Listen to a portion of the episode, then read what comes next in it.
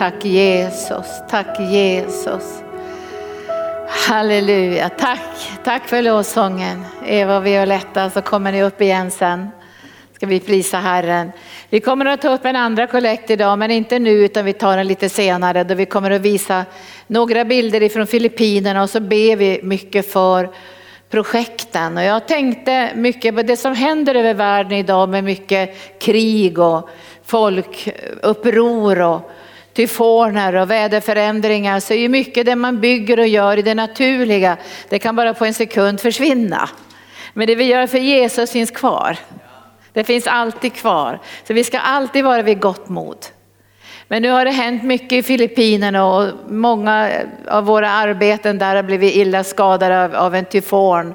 Men vi tror att de är vid gott mod och ni ska få längre fram se lite bilder. Och vi försöker, vi ber väl mest för det gäller väldigt stora summor. Men vi tror att Herren kommer att hjälpa oss att kunna välsigna våra trossyskon. Tack Jennifer, du talar så bra så vi börjar ge dubbelkollekter här. Visst är de härliga, visst är de härliga Violetta och Jenny för de här unga som finns i arken. Vi ska uppmuntra dem och stödja dem och välsigna dem så de ännu mer får känna att de är bärare av arkens vision. Välkommen Sara, du har din man med dig också. Kommer ni ihåg Sara? Hon var här, du har gått på alla år på bibelskolan. Jätteroligt att se dig. Ni bor i Norge nu? Ja, tack Jesus. Men ni är här på besök? Roligt att se er här. Och Martin är här, Martin Ren också. Martin, vi älskar dig. Och det är särskilt roligt, Martin har skrivit sin första bok om nåd. Och jag tror det finns redan i bokshoppen men annars kommer den att finnas där för er att köpa den. Och jag sa till Martin så här, det är väldigt speciellt den första boken. Jag skrev den första boken och den gavs ut på Livets Ord och det är jättemånga år sedan. Jesus helar och upprättar. Och det var så, när man fick de där böckerna och bara öppna första boken och man bara luktade på trycksmärtan och det var så speciellt. Och nu 20-22 böcker senare så blir det inte riktigt på samma sätt. Men visst är det härligt Martin, du, du känner det där, alltså det är en speciell känsla. Och du kommer att skriva många, många fler böcker. kommer bara födas böcker i ditt hjärta. Så tack Jesus. Jag ska predika idag och tala lite om att vi ska vara uppmärksamma på de krafter som är verksamma, inte bara nu utan har varit verksamma under många århundraden såklart. Men vi behöver vara extra vaksamma i den här tiden. Så vi förstår vår plats som Guds församling. Och därför ska jag tala idag om den negativa och um, negativa vreden den destruktiva, syndiga vreden som är verksam i den här världen. Och den ska vi inte alliera oss med. Bibeln säger att vi är Guds folk och det står att saliga är de fredsstiftande för de ska kallas för Guds barn. Alltså de ska kallas för Guds barn. Och det kommer inte vara så många i den yttersta tiden som kommer att vara fredsstiftande. För det står att laglösheten kommer att öka och då kommer också kärleken att kallna hos många. Och vi kan läsa i Matteus 24 att eh, det kommer att bli rike mot rike och folk mot folk. Vi kommer att se splittringar, förstörelse, hat och mycket av det hatet är drivet av den här negativa och syndiga vreden som var liksom orsaken till Satans fall. Och därför önskar ju vi personligen och för hela församlingen, för hela Kristi kropp, att inte den här syndiga vreden ska finnas. För det står i Ordspråksboken att, att dåren släpper vreden lös, men den vise håller vreden tillbaka. Alltså den vise, och vi ska ju vara de vise i den yttersta tiden, kunna hålla den här vreden tillbaka för att öppna en plats. Och det är Guds församling. Där frihet och glädje och kärlek ska råda och där människor kan få helande och upprättelse. Vet ni, det finns väldigt mycket vrede i människor idag. Man märker det liksom på skjutningarna och, och orättvisorna och folk som reser sig upp mot folk och vi ser mer och mer det utöver världen och det ska jag tala lite grann om idag. Vi ska börja titta på gamla testamentet och då ska vi läsa från Jesaja. Jesaja kapitel 6 som handlar om profetens kallelse, alltså profeten Jesajas kallelse. Och han blev kallad i en märklig tid. Och tidigare när jag läste det där så hoppade jag liksom bara över de första raderna för jag tänkte att de var nog inte så särskilt viktiga.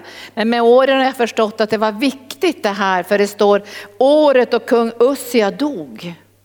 Året då kung Ussia dog. Då såg jag Herren sitta på en hög och upphöjd tron och släpet på hans mantel uppfyllde templet. Serafer stod ovanför honom och var och en hade sex vingar. Med två täckte de sina ansikten och med två täckte de sina fötter och med två så flög de och den ene ropade till den andra. Helig, helig, helig är Herren Sebot. Hela jorden är full av hans härlighet. Rösten från den som ropade fick dörrposterna och trösklarna att skaka och huset fylldes av rök. Det här är en beskrivning av Guds närvaro. Och så står det, det året då kung Ussia dog. Och kung Ussia var ju en otroligt välsignad kung om ni läser om honom i gamla testamentet. Alltså han var så att säga enastående i krigare och hade mängder, mängder med soldater. Men det hände någonting i hans hjärta. Det hände också i Lucifers hjärta, i Satans hjärta. Alltså det kom in högmod. Och det högmodet som kom in i kung Ussia var att kung Ussia ville ta en plats som inte var hans. Och det ville ju också Satan, eller hur? Han ville sätta sig högt ovanför Guds alla änglar, keruber och serafer och där ville han till och med sätta sig över Gud. Och när kung Ussia blev så känd och så upphöjd och så älskad och så, så gjorde sådana erövringar och han, gjorde, han hade också så här, han, hade, han gjorde massor med saker, ni kan läsa om det. Men då hände det något i hans hjärta. Han blev så högmodig så han, han, han sa till prästerna att jag vill ha er tjänst, jag vill bära fram rökelsen. Och då säger prästerna, men kung Usse du får inte det därför du är inte avskild för det, det är inte din plats. Men kung Ussia blev så fruktansvärt vred så han fick ett vredesutbrott. Och då slog det upp spetälska på hans panna. Därför att den här typen av vrede som hör ihop med uppror, den för med sig orenhet. Och när det är mycket orenhet så kan inte Herrens härlighet bli uppenbarad. Och ni kommer att möta på många olika sätt i framtiden den här manifesterade vreden som kommer att göra att folk kommer att splittras från folk och människor från varandra. Och det här vill gärna djävulen också föra in i Guds församling. Och det är därför vi måste klara av att stå emot den här negativa, destruktiva vreden som är som en kallbrand som kommer att komma ut över världen. Och kung Ussa, det här var tvunget att dö innan Guds härlighet skulle uppenbara sig. Och nu vet jag att världen kommer att se ut på ett sätt. Det kommer att finnas mycket vrede och krig och alla de här krafterna kommer att vara i rörelse. Men inte i Guds församling. Där ska Guds härlighet uppenbara sig. Och det är den härligheten som profeten Jesaja, som jag tycker är en av de mest underbara profeter i gamla testamentet, får sin kallelse och sitt uppdrag. Och Herren säger så här, han säger i åttonde versen, då hörde jag Herrens röst och han sa, vem ska jag sända? Och vem vill vara vår budbärare? Då sa jag, här är jag, sänd mig. I den här härligheten och Guds närvaron så, så kommer kallelsen i våra liv att bli ännu starkare och medvetenheten om det uppdrag vi har fått från Gud i den här världen. Man kan läsa också i gamla testamentet att den här negativa, destruktiva vreden som manifesterar sig på olika sätt kan få allvarliga konsekvenser. Den fick en allvarlig konsekvens för Moses, kommer ni ihåg det? Alltså Moses fick inte gå in i landet. Och jag tror inte alla vet varför Moses inte fick gå in i landet och inte Aron heller. Därför att de hade gjort Herren ohelig inför folket. För Gud hade sagt till dem, ni ska tala till klippan. Men i och med att de var så irriterade, så utmanade, det var så mycket uppror, så mycket problem under ökenvandringen, det har ni läst om. Så att Moses och Aron fick vredesutbrott och slog på klippan. Och då står det att de fick inte gå in i landet. Och vi, vi går in i tiden när vi kommer att se de här vredesutbrotten i Guds församling och kraftfulla splittringar. Och det är därför som vi behöver tänka, vi ska aldrig någonsin slå på klippan. Vem är klippan? Det är Jesus. Han ska hållas så helig, så upphöjd och så älskad att vi ska bära det som utmärker Guds barn. Saliga är de fredsstiftande, för de ska kallas Guds barn. Av vilka då? Av världen. Världen kommer att se ett folk som är av ett annat slag. Och det här ser vi också i, i Saurs liv, hur den här vreden bara väcktes i hans innersta. Och han kunde inte låta bli att vara efter David för att döda honom. Därför den här vreden som kommer ifrån mörkret och från Satan bär också hat till smörjelsen, till Guds närvaron. Och det här kommer vi också se och det är det som gör att det blir förföljelse mot Guds folk i den yttersta tiden. För Bibeln säger att ni ska bli hatade av alla för mitt namns skull. Därför att den här negativa, destruktiva vreden kommer att rikta sig mot smörjelsen, mot Guds närvaron. Och jag tror det är därför som Gud så kraftfullt talar till oss, älska och hylla Jesus och älska varandra. För att precis som Jennifer sa så är det så otroligt viktigt att vi håller samman i nöden. Alltså vi måste göra beslut i vårt hjärta att hålla samman i nöden. Det är lättare att hålla samman när allt är bra och när vi är glada och det är framgång. Men vi behöver göra beslut, vi håller samman i nöden. I attackerna, i svårigheterna, i konflikter som vi kanske får mellan varandra och, och saker som händer som vi kan tolka på olika sätt. Så behöver vi säga till, till Gud men också till varandra, vi håller ihop och vi kommer igenom. Därför vi har Guds kärlek som är en starkare kraft än djävulens kraft i den här världen. Visst är det bra det jag säger idag? Jag kommer förresten att ha en serie nu för kanal 10 som heter Att förstå och leva i det profetiska. För vi behöver förstå för, för Guds församling, hur ska vi leva i den yttersta tiden? Och förstå krafter som är närvarande så vi inte släpper in dem. Det står i Uppenbarelseboken 12 och 12 och det kan ni ju redan att Satan ska komma ner i stor vrede. Alltså han ska komma och manifestera en vrede. Och det står det, ve dig du hav och ve dig du jord. För Satan har kommit ner i stor vrede.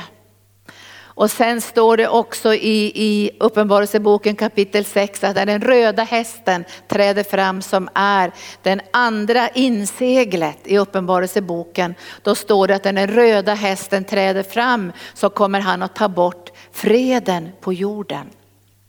Och ändå när han tar bort freden på jorden så människor börjar slakta varandra så kan han inte ta bort freden i Guds församling för vi är sammankopplade med fridsfursten. Och då kan vi under alla omständigheter, i alla krig, i alla kriser, i alla konflikter vara de som kallas saliga är de fredsstiftande. För de ska kallas för Guds barn och inte djävulens lärjungar. Tack Jesus. Så nu ska vi titta på den här vreden och då kanske ni tänker så här, men Jesus var ju också vred. Men du vet att det finns starka känslor i varje människa och jag tror just vreden är en väldigt stark känsla. Som många brottas med också på det personliga planet. Så, men, men vreden är inte, är inte synd i sig själv för vi har ju fått alla de här känslorna, eller hur? Men vi får aldrig synda med känslorna. Det är skillnaden. Alltså vi har fått känslor men vi får aldrig synda med dem. Vi måste veta var går den här gränsen när vi börjar synda med känslorna. Och det gäller ju många av de känslor vi har. Så vi måste veta när tippar vi över så att det blir synd som blir drivkraften i känslorna. Jesus syndade aldrig det är så gripande att läsa om Jesus att han syndade aldrig med sina känslor.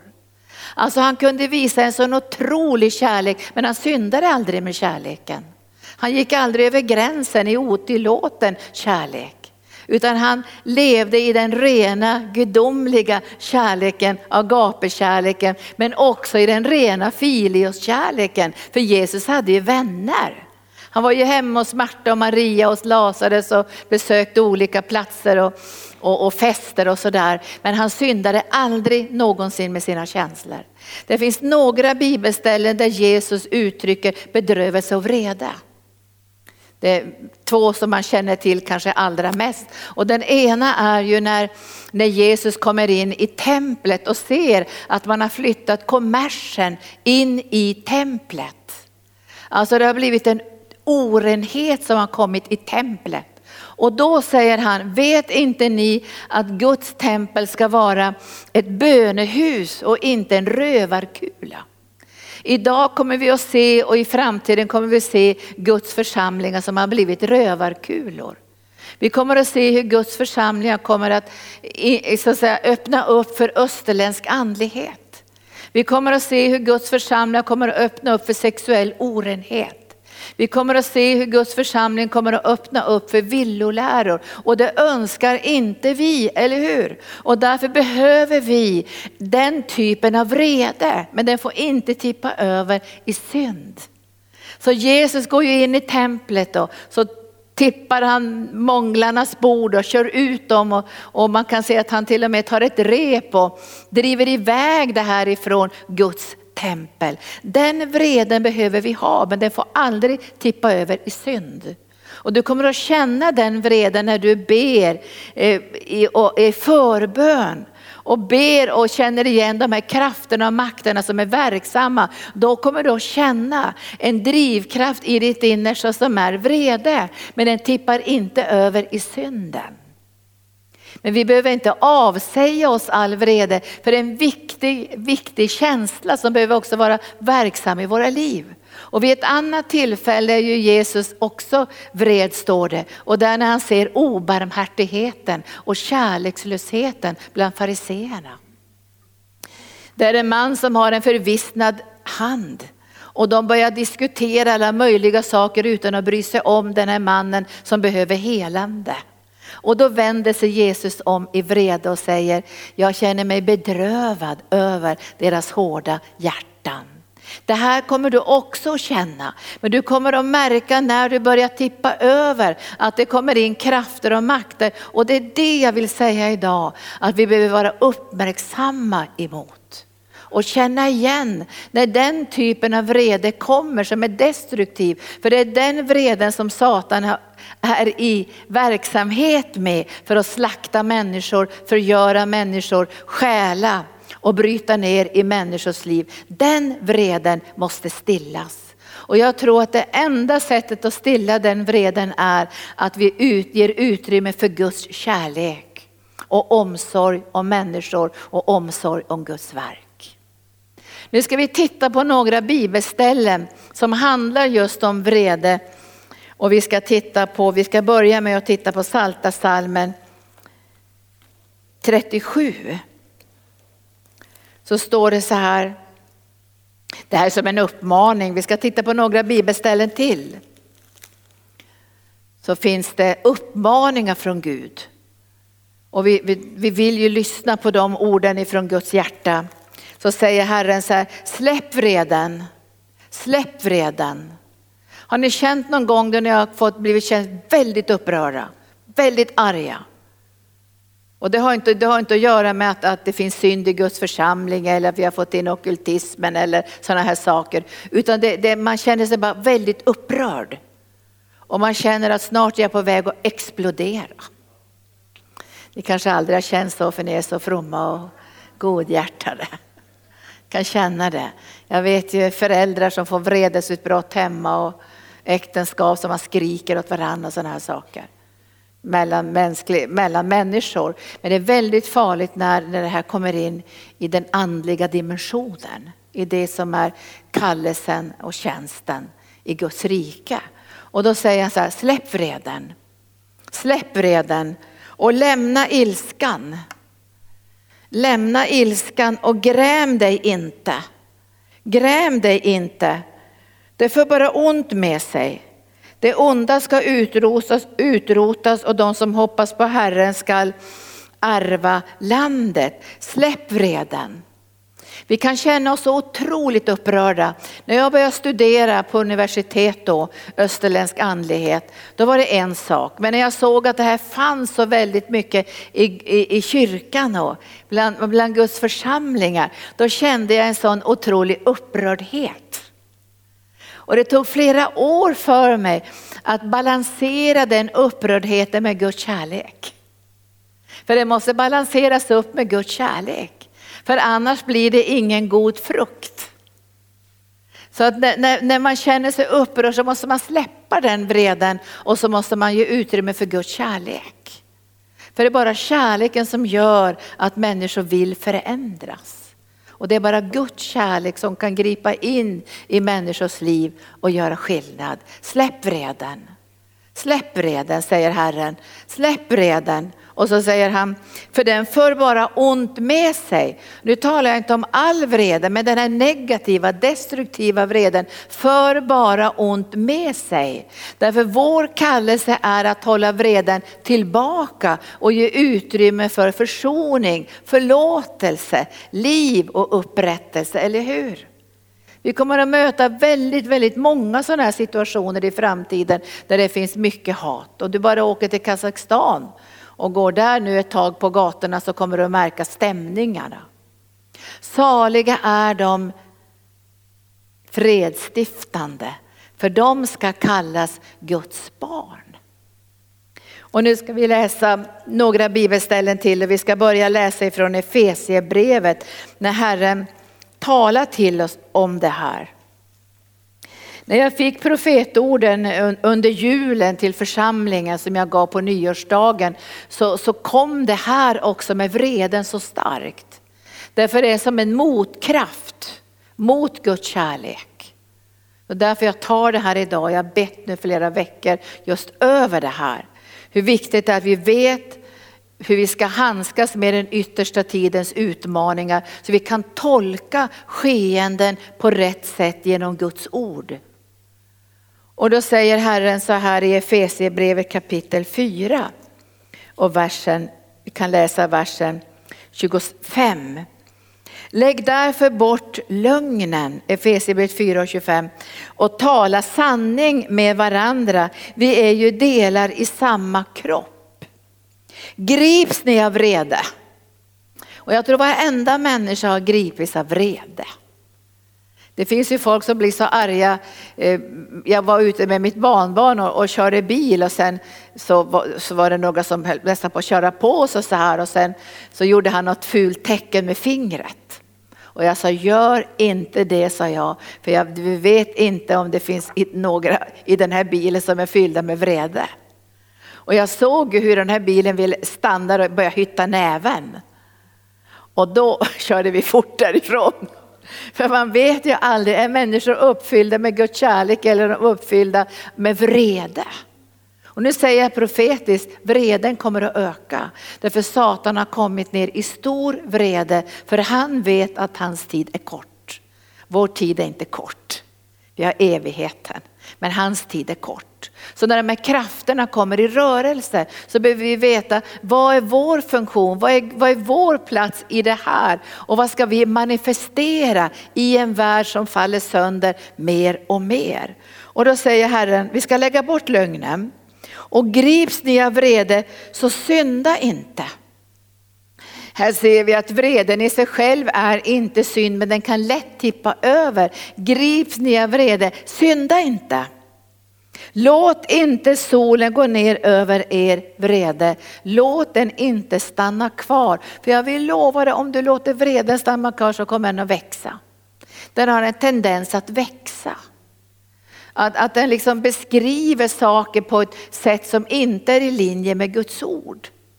Och därför ska man aldrig låta vreden ligga kvar. Så vi brukar alltid säga till alla nygifta, lägger aldrig med vrede i era hjärtan. Somna inte med vrede. För det kan hända mycket under de där sju, åtta timmarna som kan förstöra era liv. Jag tror aldrig vi har lagt oss någon gång Gunnar i vrede. Jag tror aldrig vi har gjort det. Därför vi, vi kände när vi var unga så här att vi får inte låta någonting komma mellan oss. Vi får absolut aldrig låta någonting komma emellan oss. För även om det ser ut som ett gruskorn det som kommer emellan oss så kommer det ha makt från mörkret att växa. Vränga, förstöra, beskriva på ett sätt som inte är i enlighet med Guds ord. Och så dröjer det inte länge förrän separationen kommer. Och när separationen börjar komma så har den centrifugalkraft och man kastas ut. Och därför måste man göra beslut. Vi kan bli arga på varandra men vi ska inte synda med den vreden och vi ska inte låta den ligga kvar så den får några timmar att gro. Eller hur? Vi ser vad Guds ord säger här. Låt inte solen gå ner över vrede. För sen kommer det, och ge inte djävulen något tillfälle. Därför alltid när vreden kommer och tippar över så kommer djävulen att få tillfälle att verka i ditt och mitt liv. Och det tänker vi inte tillåta honom, säger vi halleluja. Därför ska vi vaka över det här i församlingen och hjälpa varandra. Att, att få goda relationer och lösa saker. Och vi säger alltid så här, ja men fråga, är det så där, vad, det, vad var det egentligen som hade hänt? Och vi försöker lösa saker, för vi har en smörjelse att lösa saker, vet ni det? En smörjelse från Gud. För det står vi är visa, vi har fått Guds visdom. Vi har fått kunskap och råd och vägledning och gudsfruktan. Vi har vishetens smörjelse över oss och vi kommer att bli bättre och bättre och bättre, tala profetiskt, och lösa det här i församlingen. För vi ska vara med och lösa konflikter nationellt och internationellt. Vi ska lösa konflikter i församlingen, vi ska hjälpa ledare att handskas med problem och sådana här saker. Och därför måste vi kunna handskas med det allra bäst i våra nära relationer, eller hur? Och i församlingens hjärta, för vi vet vår plats. Saliga är de, de som stiftar fred, för de ska kallas Guds barn. Alltså det ska bli ett kännetecken i den här världen där vreden ökar mer och mer. Så kommer vi att vara ett folk av ett annat slag och vi behöver välja det på grund av vår kallelse och det uppdrag vi har fått av Gud. Annars är det lätt att dras med i det ena och det andra. Eller hur? Vi kommer att dras med. Jag drogs ju med i den här revolutionstiden på 60-talet. Jag drogs jag med i universitetsvärlden, det gjorde inte Gunnar. För han valde en annan linje. Men jag var bland de, som, bland de elever som vägrade att läsa böckerna på universitetet. För vi ville ha böcker som var i Marx och Maos anda. Och så drogs man med liksom med kraftiga så här rörelser, av vrede på grund av orättvisorna och man ville vara med och förändra världen. Det är inte dåligt att känna det. Men vi har ett uppdrag från Gud och bereda en plats där Herren kan uppenbara sig som vi har läst i Jesaja 6. Han ska uppenbara sig i härlighet och människor ska kunna få möta honom och få del av en annan livsstil och ett annat sätt att leva. Låter det bra det här? Kan ni ta emot det här? För då säger Herren vidare så här, så säger han, grips ni av vrede så synda inte och ge inte djävulen något tillfälle. Vers 29. Låt inga smutsiga ord komma över era läppar, utan bara det som är gott och bygger upp där det behövs, så det blir till glädje för dem som hör det. Låt bara era läppar bära fram det som är gott och bygger upp, som behövs för att det ska bli till glädje för dem som hör det. Bedröva inte Guds heliga ande som ni har fått som ett sigill för befrielsens dag. Lägg bort all bitterhet all häftighet och all vrede och allt skriande och förolämpningar och annan ondska.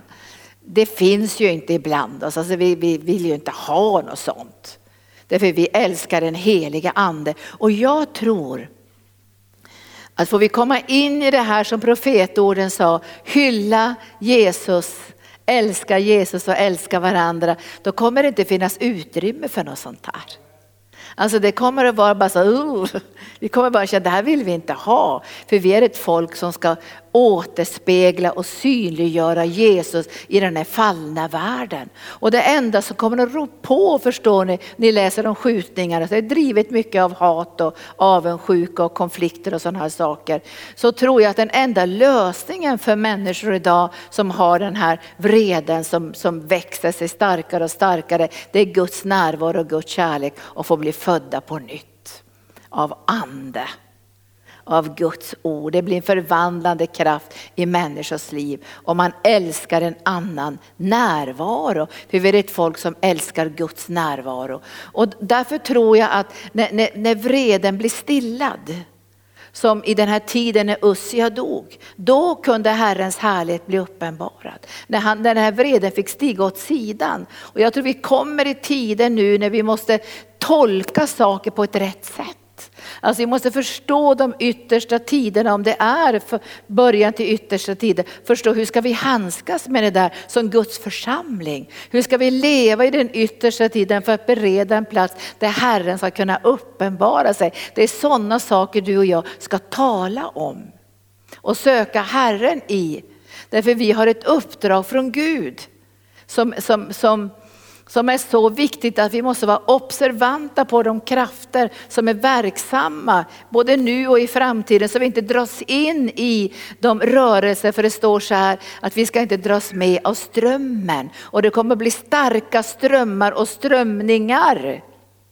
Och därför måste vi veta hur handskas vi med det? Och hur beskrivs det i, bo, i Bibeln? Och hur ska vi bereda utrymme för en annat, ett annat liv i den här yttersta tiden som inte kommer att ljusna utan som kommer att mörkna mer och mer.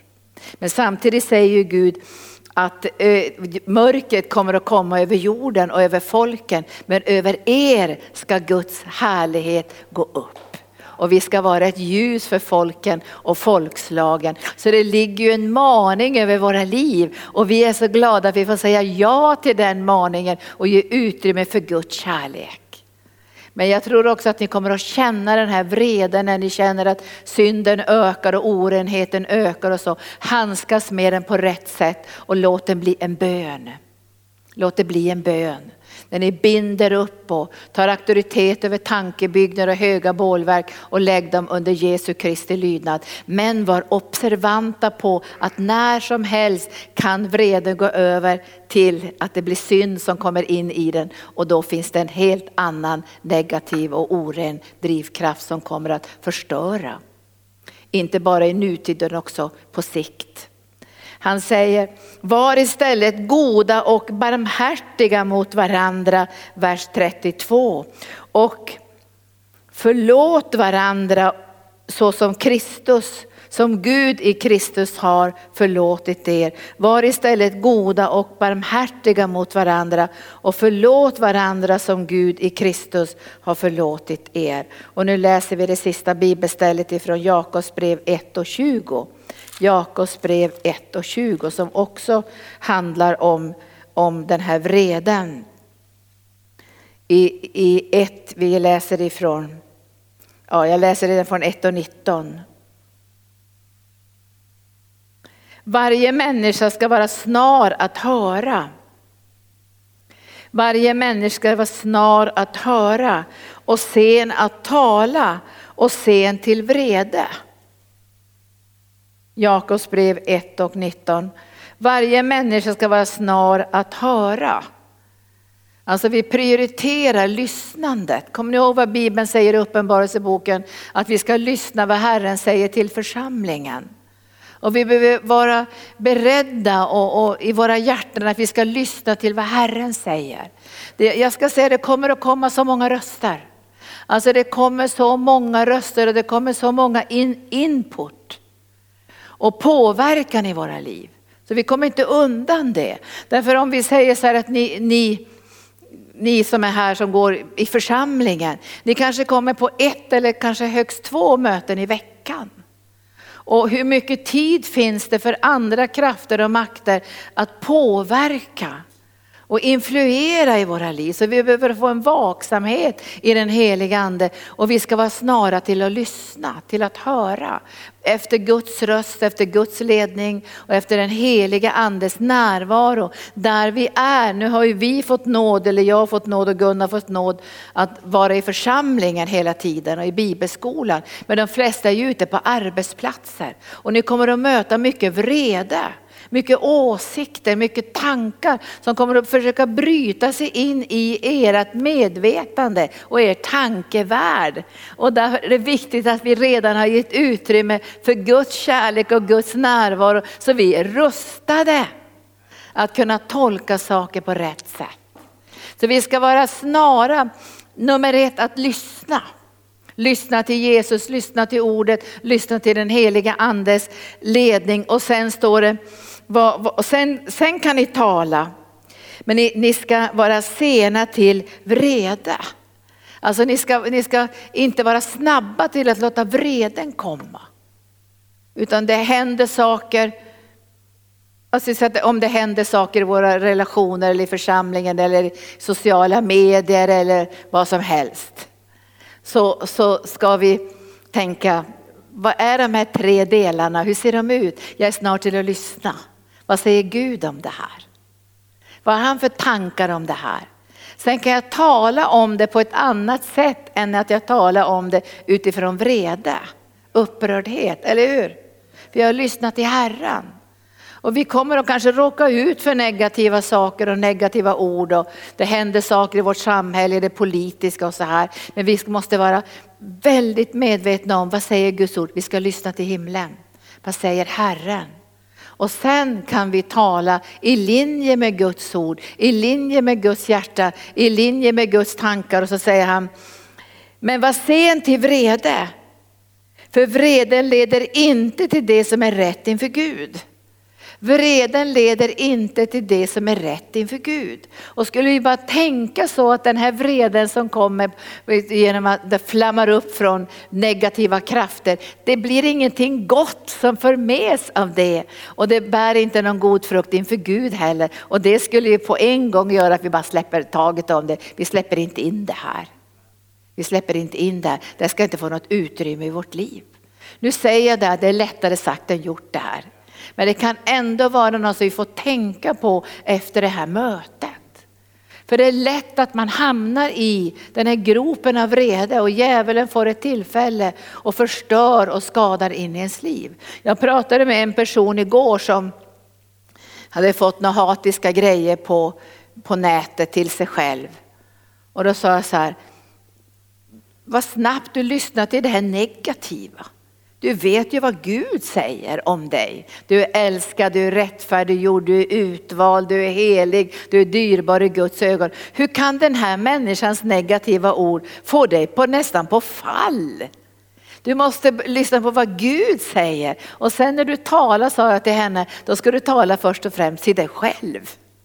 Jag är älskad av Gud, jag är dyrbar i Guds ögon. Jag lyssnar inte till vad som helst, jag är avskild för tjänst och jag ska tjäna Herren i renhet och i härlighet. Så det här tar inte jag emot i Jesu Kristi namn. Utan jag ska vara en person som ger lösningar. För jag ska övervinna det onda med det goda. Och jag sa till den här personen, vad var din första känsla när du fick det här negativa och elaka? Det var ge igen sa hon. Jag tänkte jag skulle ge igen och skriva någonting ännu värre tillbaka till den här personen. Visst, det ligger lite nära sådär. Men, men det som Gud säger är övervinn det onda med det goda. Och sen säger han de här orden som är jättesvåra att praktisera men vi är på väg in i det med agapekärleken. Be för era fiender. Be för era fiender och välsigna dem som förföljer er. Och det blir ett beskydd både för oss och för de människor som vill skada Guds församling. Och det ger oss möjligheter att kunna predika, synliggöra och presentera evangeliet utan för mycket vrede. Eller hur? Det går inte att predika evangelium om man är jättearg på folk. Man kan ju pröva men det går ju inte. Man kan inte gå ut och skälla på folk. Och då säger, då, säger, då säger en del till mig så här, ja, men glöm inte vredeskålarna, Gud är på dåligt humör. nej han är faktiskt inte på dåligt humör, är inte det bra? Alltså vreden över synden har gått över Jesus. Och när vi läser i Uppenbarelseboken om vredeskålarna så kommer de att hällas över Satans tron. Därför det kommer att gå en dom över Satan, de falska profeterna och döden som kommer att kastas i den brinnande eldsjön. Men du behöver inte vara rädd, du är räddad av Jesus Kristus. Och all vrede över synden har träffat Jesus och nu får du vandra i Guds kärlek, i trygghet och vara med och bereda en plats där kärlek, barmhärtighet och förlåtelse får regera. Visst är det starkt det? Vad säger Herren mer? Han säger Lägg bort all orenhet och ondska och ta ödmjuk emot ordet som är planterat i er, som har makt att frälsa era själar. Var ordets görare, inte bara dess hörare, annars bedrar ni er själva. Om någon är ordets hörare men inte dess görare, så liknar en man som ser sitt ansikte i en spegel. Tack Jesus. Lägg bort vreden. Det var kanske några månader sedan så råkade jag ut för en förolämpning. Riktigt kraftfull förolämpning. Och jag tycker det är intressant att beskåda mig själv i olika sådana här utmanande situationer. Och jag kände hur det, det bara började brinna en vrede som kom i mig. Och den brann i, i flera dagar för jag, jag sa till pastor Gunnar det här är fruktansvärt orättvist. Hur kan de säga så här på det här sättet? Och jag kände det här brann inom mig. Och när, när det hade brunnit ett tag så ville jag ju vara inför Gud för jag ska ju söka Herren när jag ska predika. Och då kände jag att den här vreden var mellan mig och Gud. Det var som en eld som brann som jag kände, det här luktar ju liksom Kains offer. Det bara slår ner. Därför det är ingenting gott inför Gud. Det kommer inte med några lösningar, det kommer inte med någon förlåtelse, det kommer inte med någon barmhärtighet. Det kommer bara till att jag ska ha rätt. Det här var fel. Men det kommer att hända jättemånga saker i ditt och mitt liv där vi inte kommer att få något rätt. Eller hur? Alltså jag tycker en del bibelställen är ganska jobbiga faktiskt när man läser dem. Det står om de talar ont om dig och drar ditt namn i smutsen, då ska du ge igen så det dånar. Det är som man ska känna så. Va? Då står det så här, då ska du hoppa upp av fröjd. Då ska du hoppa upp av fröjd. Och när du hoppar upp av fröjd då tänker man att det, det är jättesvårt att hoppa upp av fröjd. Och det är inte så lätt, men om du tänker på att då ger du utrymme för Guds lösningar och Guds utvägar och Guds hjälp.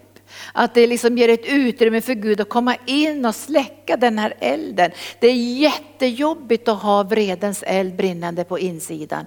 För den bär inte med någonting gott inför Gud. Utan den skadar inte bara mig själv, den skadar min omgivning och den hindrar Gud att kunna utföra det som han längtar efter i Guds församling. Vi är en profetisk församling och vi måste tolka och förstå det profetiska. Vi har pratat många gånger med andra profeter att om en församling ska kunna vara profetisk så måste den vara ovanför alla sådana här strömningar som kommer från världen. För att kunna hålla sig ren och vara Guds tunga. Alltså vi ska ju vara Guds tunga för Bibeln säger när, när, när anden föll på pingstdagen så var det tungor av eld som kom på Guds folk. Tungor av eld. Vi ska vara Guds tunga. Och Guds tunga bär barmhärtighet, förlåtelse, frid och, och, och läkedom in i människors liv. Och därför ska vi vara observanta, jag säger igen, det kommer att komma kraftiga vågor av vrede och upprördhet. Och vi behöver beskåda våra hjärtan och se, var kommer det därifrån? Bär det någon god frukt? Om du känner vrede över att, att Guds församling håller på att förstöras av mörkrets makter, då kommer din vrede att rikta sig åt rätt ställe. Eller hur? Du kommer att rikta dig mot mörkrets makter. Därför du vet om att vi ska inte ha någon friendly fire. Friendly fire betyder att när, när kriser kommer så skjuter man på varandra. Utan vi ska lära oss att skjuta mot mörkrets makter. Säga, Nej, det här tar vi inte emot, det här öppnar vi inte upp för. Vi släpper inte in det här för vi är en plats där Guds härlighet ska manifestera sig. Nu talar vi på olika plan här, men om du är här idag och kämpar med vrede. Det är jättejobbigt att kämpa med vrede. Ibland har jag själavårdat människor som säger, jag är arg hela tiden. Jag är arg hela tiden. Alltså jag har sån vreda. Och mycket vrede som finns mellan man och kvinna i det politiska så kommer det att öka. För Bibeln säger ju det, eller hur? Folk mot folk och rike mot rike. Så det kommer att öka. Och är du här som har känt av, men jag har en sorts vrede på insidan som jag inte vet hur jag ska kunna bli kvitt. Så, stå, så ska jag säga så här, för det står i skriften, det är bara kärleken som kan släcka den elden. Kärleken släcker den elden. Och är det så att du kämpar med det så ska vi be idag, vi ska ha lite förbön nu. Så ska vi be idag att, att vreden ska stilla sig. Vet du, det är jätteskönt att slippa vara arg. Visst är det det. Att slippa vara arg på sina barn, slippa vara arg på sina släktingar, på församlingsmedlemmar, på vad djävulen håller på med och vredgas över politiska saker och det ena och det andra. Så skönt att slippa vara arg. Det är inte mesighet att inte vara arg. Men det blir en annan sorts drivkraft som är starkare än vreden och den drivkraften är Guds kärlek. Visst önskar vi mer av den. Tack Jesus. Då känner du nu, vi ska be lovsångarna komma upp, så stillar vi den här vreden. Den negativa vreden. Nu har jag sagt att det finns en vrede som inte är fylld med synd som Jesus levde i. Han hade gudomlig vrede, Guds vrede. Men man får vara väldigt, väldigt försiktig så att man inte kallar allt för Guds vrede. För då blir det illa. Utan vi måste veta när, när det är Guds fred och det rör specifika områden då. Varsågod. Ja, och med den här fantastiska predikan som jag har fått komma in i ditt hjärta som sitter där hemma och på kanal 10 så, så vill jag tacka dig som har varit med på kanal 10 för er sändning kommer så småningom här att ta slut. Men ett stort tack från församlingen Arken och från pastor Linda här för att du har varit med och tittat idag och fått ta emot ifrån Gud det han vill tack, säga. Jesus. Så tack till er. Och vi bara lyfter människor inför dig nu Jesus som känner att det brinner en som vrede i dem. På grund av orättvisor i världen och på grund av alla möjliga negativa saker som händer nu. Att det finns en vrede som brinner både i relationer, äktenskap och i församling. I, i samklang med också det som händer ute över världen. Där vi ser allt som händer av krig och förorätter och kränkningar av människor. Så jag ber dig heliga Ande att den vreden ska få stillas av din kärlek och bli konstruktiv. För vi önskar här att vara konstruktiva i den yttersta tiden. Att bära någonting som förvandlar människors liv. Så kom nu heliga Ande, kärlekens ande och så stillar du just nu den här vreden. Vreden i äktenskapet, vreden i relationer, vreden över orättvisor i världen. Den här vreden som brinner och förstör och bryter ner. Som djävulen använder för att skada och separera. Den vreden vill vi inte ha i våra liv. Så kom nu heliga Ande, Sokiria, Bresto Kante Estogiria Seiria, Brosiki Abrosantia. Kom heliga Ande och stilla den här vreden så det inte hindrar oss att ha en djup relation med dig Jesus. Stilla vreden. Och, och ge oss Herre den nåden så vi kan hoppa upp av glädje. Även om vi skulle bli orättvist behandlade så går vi på en annan väg för du har sagt Herre att vi kan övervinna det onda med det goda. Och vi har fått kol som vi kan få från himlen. Som Jesaja fick de här heliga kolen från altarplatsen. Som änglarna la på hans tunga för han skulle bära budskapet om Messias. Bära budskapet om Jesu tillkommelse genom sina profetiska ord ord under sin livstid. Och han fick inte bära någon ondska eller orenhet i sitt liv. För han skulle bära uppenbarelse och det profetiska på ett helt annat plan än de falska profeterna som förde fram sina drömmar som var födda ur deras egna hjärtan. Och jag ber dig heliga Ande, låt den här församlingen och låt de syskon som möter oss nu också ut över Norden få en längtan i sina hjärtan att bära det rena oförfalskade evangeliet om din kärlek Jesus i en värld som allt mer mörknar. Kom helige Ande, nu stillar Jesus den här, den här vreden du har på insidan och du känner just nu att det är så lätt att förlåta och efterskänka och du känner att Gud lägger i ditt hjärta en barmhärtighet, en underbar barmhärtighet.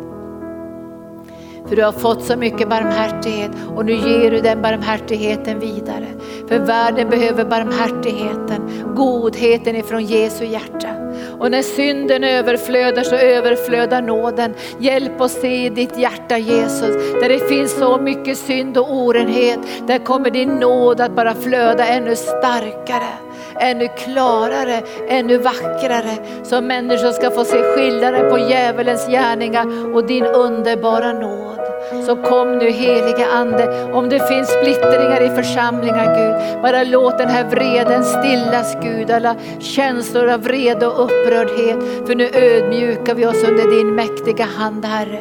För hade Ussia ödmjuka sig hade han blivit en välsignelse. Men nu var hans vrede tvunget att dö och den orenheten vika åt sidan innan Herrens ande skulle kunna uppenbara sig och Guds härlighet skulle kunna bli synlig och den unga profeten skulle kunna få sin kallelse. Och jag ber dig heliga ande för unga profeter som ska träda fram i den yttersta tiden, som ska bära någonting så vackert och så underbart och så rent, som ska präglas av renheten från himlen. Jag ber dig heliga ande när unga profeter träder fram och de som bär profetians gåva så ska de vara rena, avskilda, heliga och föra fram det som ditt hjärta vill föra fram. Så kom heliga ande och så stilla stillar du, stilla varje storm, stilla all vrede, stilla upprördhet, all irritation, alla gräl, låt det bara bli stilla. Så stilla Herre, så din ande kan bringa försoning och kärlek och läka sår. Kom helige ande, för vreden förorsakar många sår. För vi säger saker som vi inte menar. Vi uttrycker saker som vi egentligen inte skulle göra om våra hjärtan inte var i uppror på insidan. Men idag så stillar du någonting. För oljan ska flöda från huvudet, över skägget, över Arons klädnad och över hans fötter. För det evangelium som ska bäras ut ska bäras av smörjelsen, kärleken och uppenbarelsen om Jesus. Kom helige ande, kom helige ande, kom helige ande. Vi går in i lovsång nu. Är det så att du bär någonting på insidan så bara släpp det idag. Släpp freden, släpp freden. Så ger du utrymme för kärlek och förlåtelse och barmhärtighet. Kom heliga Ande. Tack Jesus. Tack Jesus. Åh, låt det bli stilla Jesus. Stilla alla stormar på insidan. Vilken storm den är som håller på att bryta ner våra liv. Stilla varje storm så det blir stilla. Så vi kan vara snara till att höra och sena till att tala och sena till vrede. Vi vill ha en församling som lyssnar till ditt hjärta Jesus. Som förstår tider och stunder. Som inte dras med i olika strömningar som kommer att vara i tusental i den här världen. Men den enda ström som vi vill ha är strömmen från himlen. Med det levande vattnet och vara en levande församling som sjuder av kärlek, barmhärtighet, förlåtelse och nåd. Så kom heliga Ande, för någonting nytt håller på att bryta fram. Ett allvar men ändå en stor glädje. För vi ska hoppa upp av glädje och ge utrymme för Jesus och visa på en annan livsstil. För Herren säger saliga de renhjärtade, för de ska se Gud. Saliga de barmhärtiga, för de ska få barmhärtighet. Och saliga är de fredsstiftande, för de ska kallas Guds barn. Och saliga är de ödmjuka, för de ska ärva jorden. Och saliga är de som hungrar och törstar, för de ska bli mättade. Och saliga är de som är fattiga i anden, för de tillhör Guds rike. Så kom heliga ande och saliga är de som förföljs för ditt namns skull. För de ska få en lön som kan jämföras med profeterna i det gamla förbundet. Så kom heliga Ande och ge oss salighet. För vi behöver salighet Jesus för att kunna manifestera din närvaro. Och vi önskar Herre som den unga profeten Jesaja fick se din härlighet. Så vet vi att vi i kommande tider kommer att se din härlighet. Vi kommer att se din härlighet för det är vår enda längtan Jesus att få se din härlighet. Att få se ditt släp uppfylla templet. Att få höra lovsången från seraf serafer och keruber som ropar helig, helig. Så du kan ta kol från altarplatsen och rena ständigt våra läppar så vi kan bära det profetiska budskapet som har en hög ande, som har andra vingfjädrar, som är på högre höjder, som har lyssnat vad himlen säger. Jorden kommer att lyssna på vad jorden säger. Men himlens folk kommer att lyssna på det som himlen säger. Och vi önskar av hela vårt hjärta att vara ett sånt folk. Låt den här längtan, och jag bara ser i anden den här längtan kommer att fylla våra hjärtan. Den här längtan. Vi vill se landet, vi vill bära Guds smörjelse. Vi vill se Guds härlighet. Vi har en enda längtan Herre, vi vill inte dö när vi har sett din härlighet manifesteras i det här landet. Så kom heliga Ande och väck den här längtan och hjälp oss att hålla samman i nöden och inte bara i glädjetiderna men i alla tider ska vi hålla samman. Och låta kärlekens band binda oss så starkt så ingenting av djävulens gärningar ska kunna separera någon av oss från varandra och från din vilja i den här sargade, sönderbrutna, lidande världen. Kom helige Ande, kom helige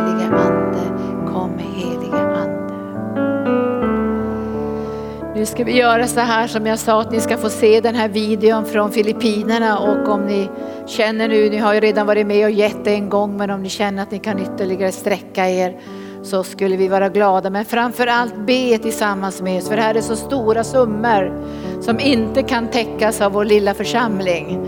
Utan det här måste lösgöras på ett mirakulöst sätt. Kan hända genom dig, kan hända genom mig, men det måste till ett mirakel för att vi ska kunna hjälpa våra syskon på det sätt som de behöver den här hjälpen. Och sen Jennifer får du flöda vidare här i kunskapens ord och hur du vill göra på slutet här. Om vi ska fälla fram syskonen eller om du vill bara be allmänt så får du bestämma det.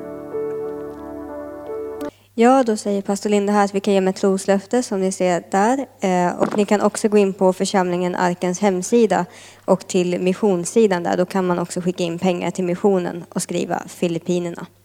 Så då kan ni också ge till det här om ni vill. Och jag tycker att vi tar upp en gemensam bön också nu för Filippinerna. För eh, det de står i.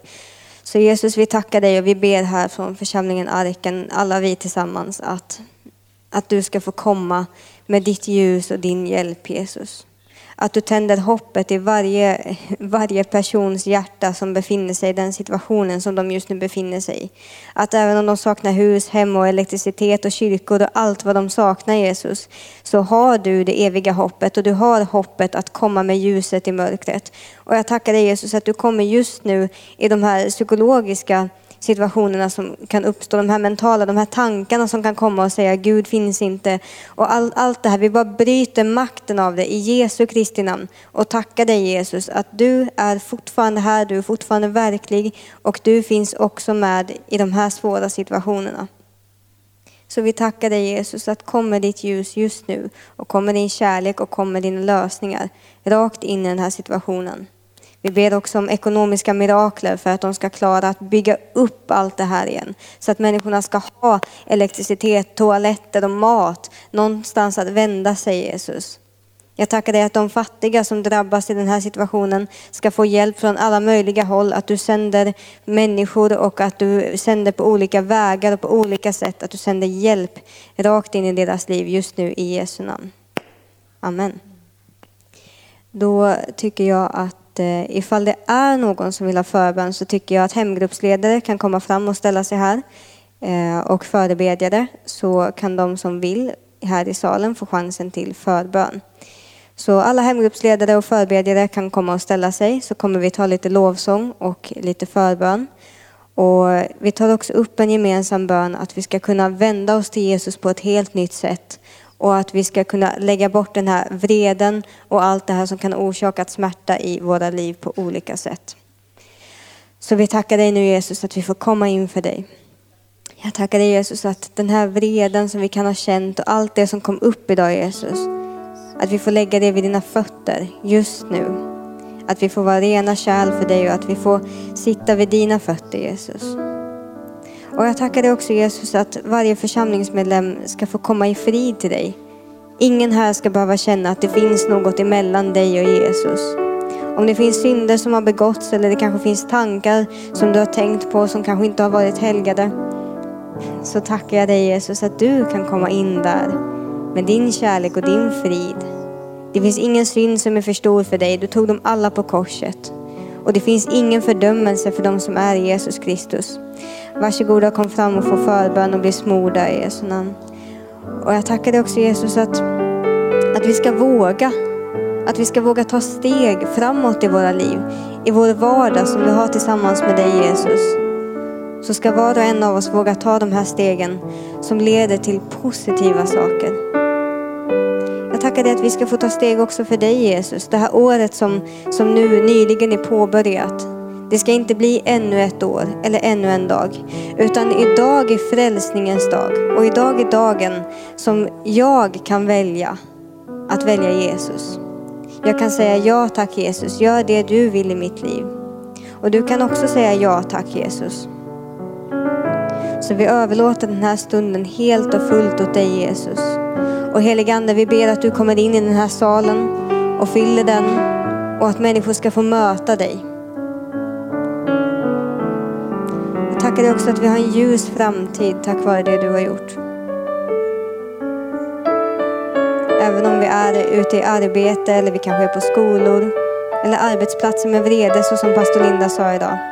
Det spelar ingen roll Jesus för att du har gett oss en frid och ett hopp. Och vi kan vara de där som kommer med en glädje och ett hopp. Så hjälp oss och när också vår andliga situation Jesus. Så att vi kan få vara det här hoppet ut i världen. Jag ber också att du ger församlingen Arken en ny styrka, en ny kraft och ett nytt hopp att gå framåt i allt det som vi ska göra tillsammans. Att vi ska inte vika för tidigt, utan vi ska hålla hela loppet.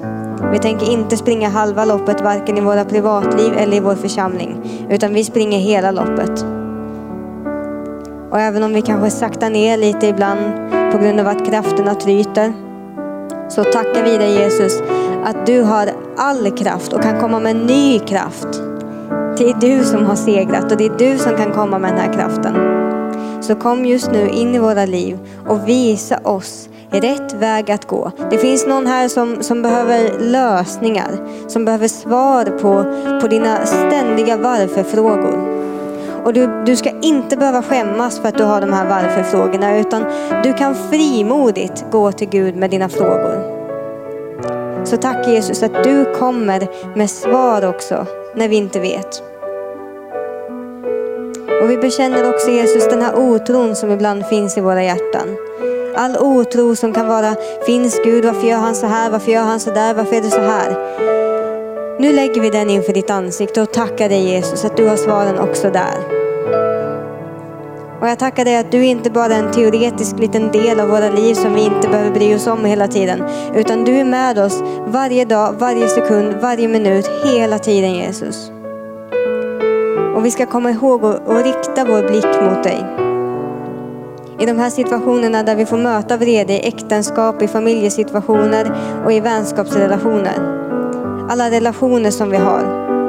Som är en sån gåva från himlen men kan också upplevas som ett helvete ifall vi inte får ha dig i de här relationerna. Så jag tackar dig nu att vi får lägga våra relationer i dina händer och att du hjälper oss och leder oss i våra ord och tankar emot andra personer.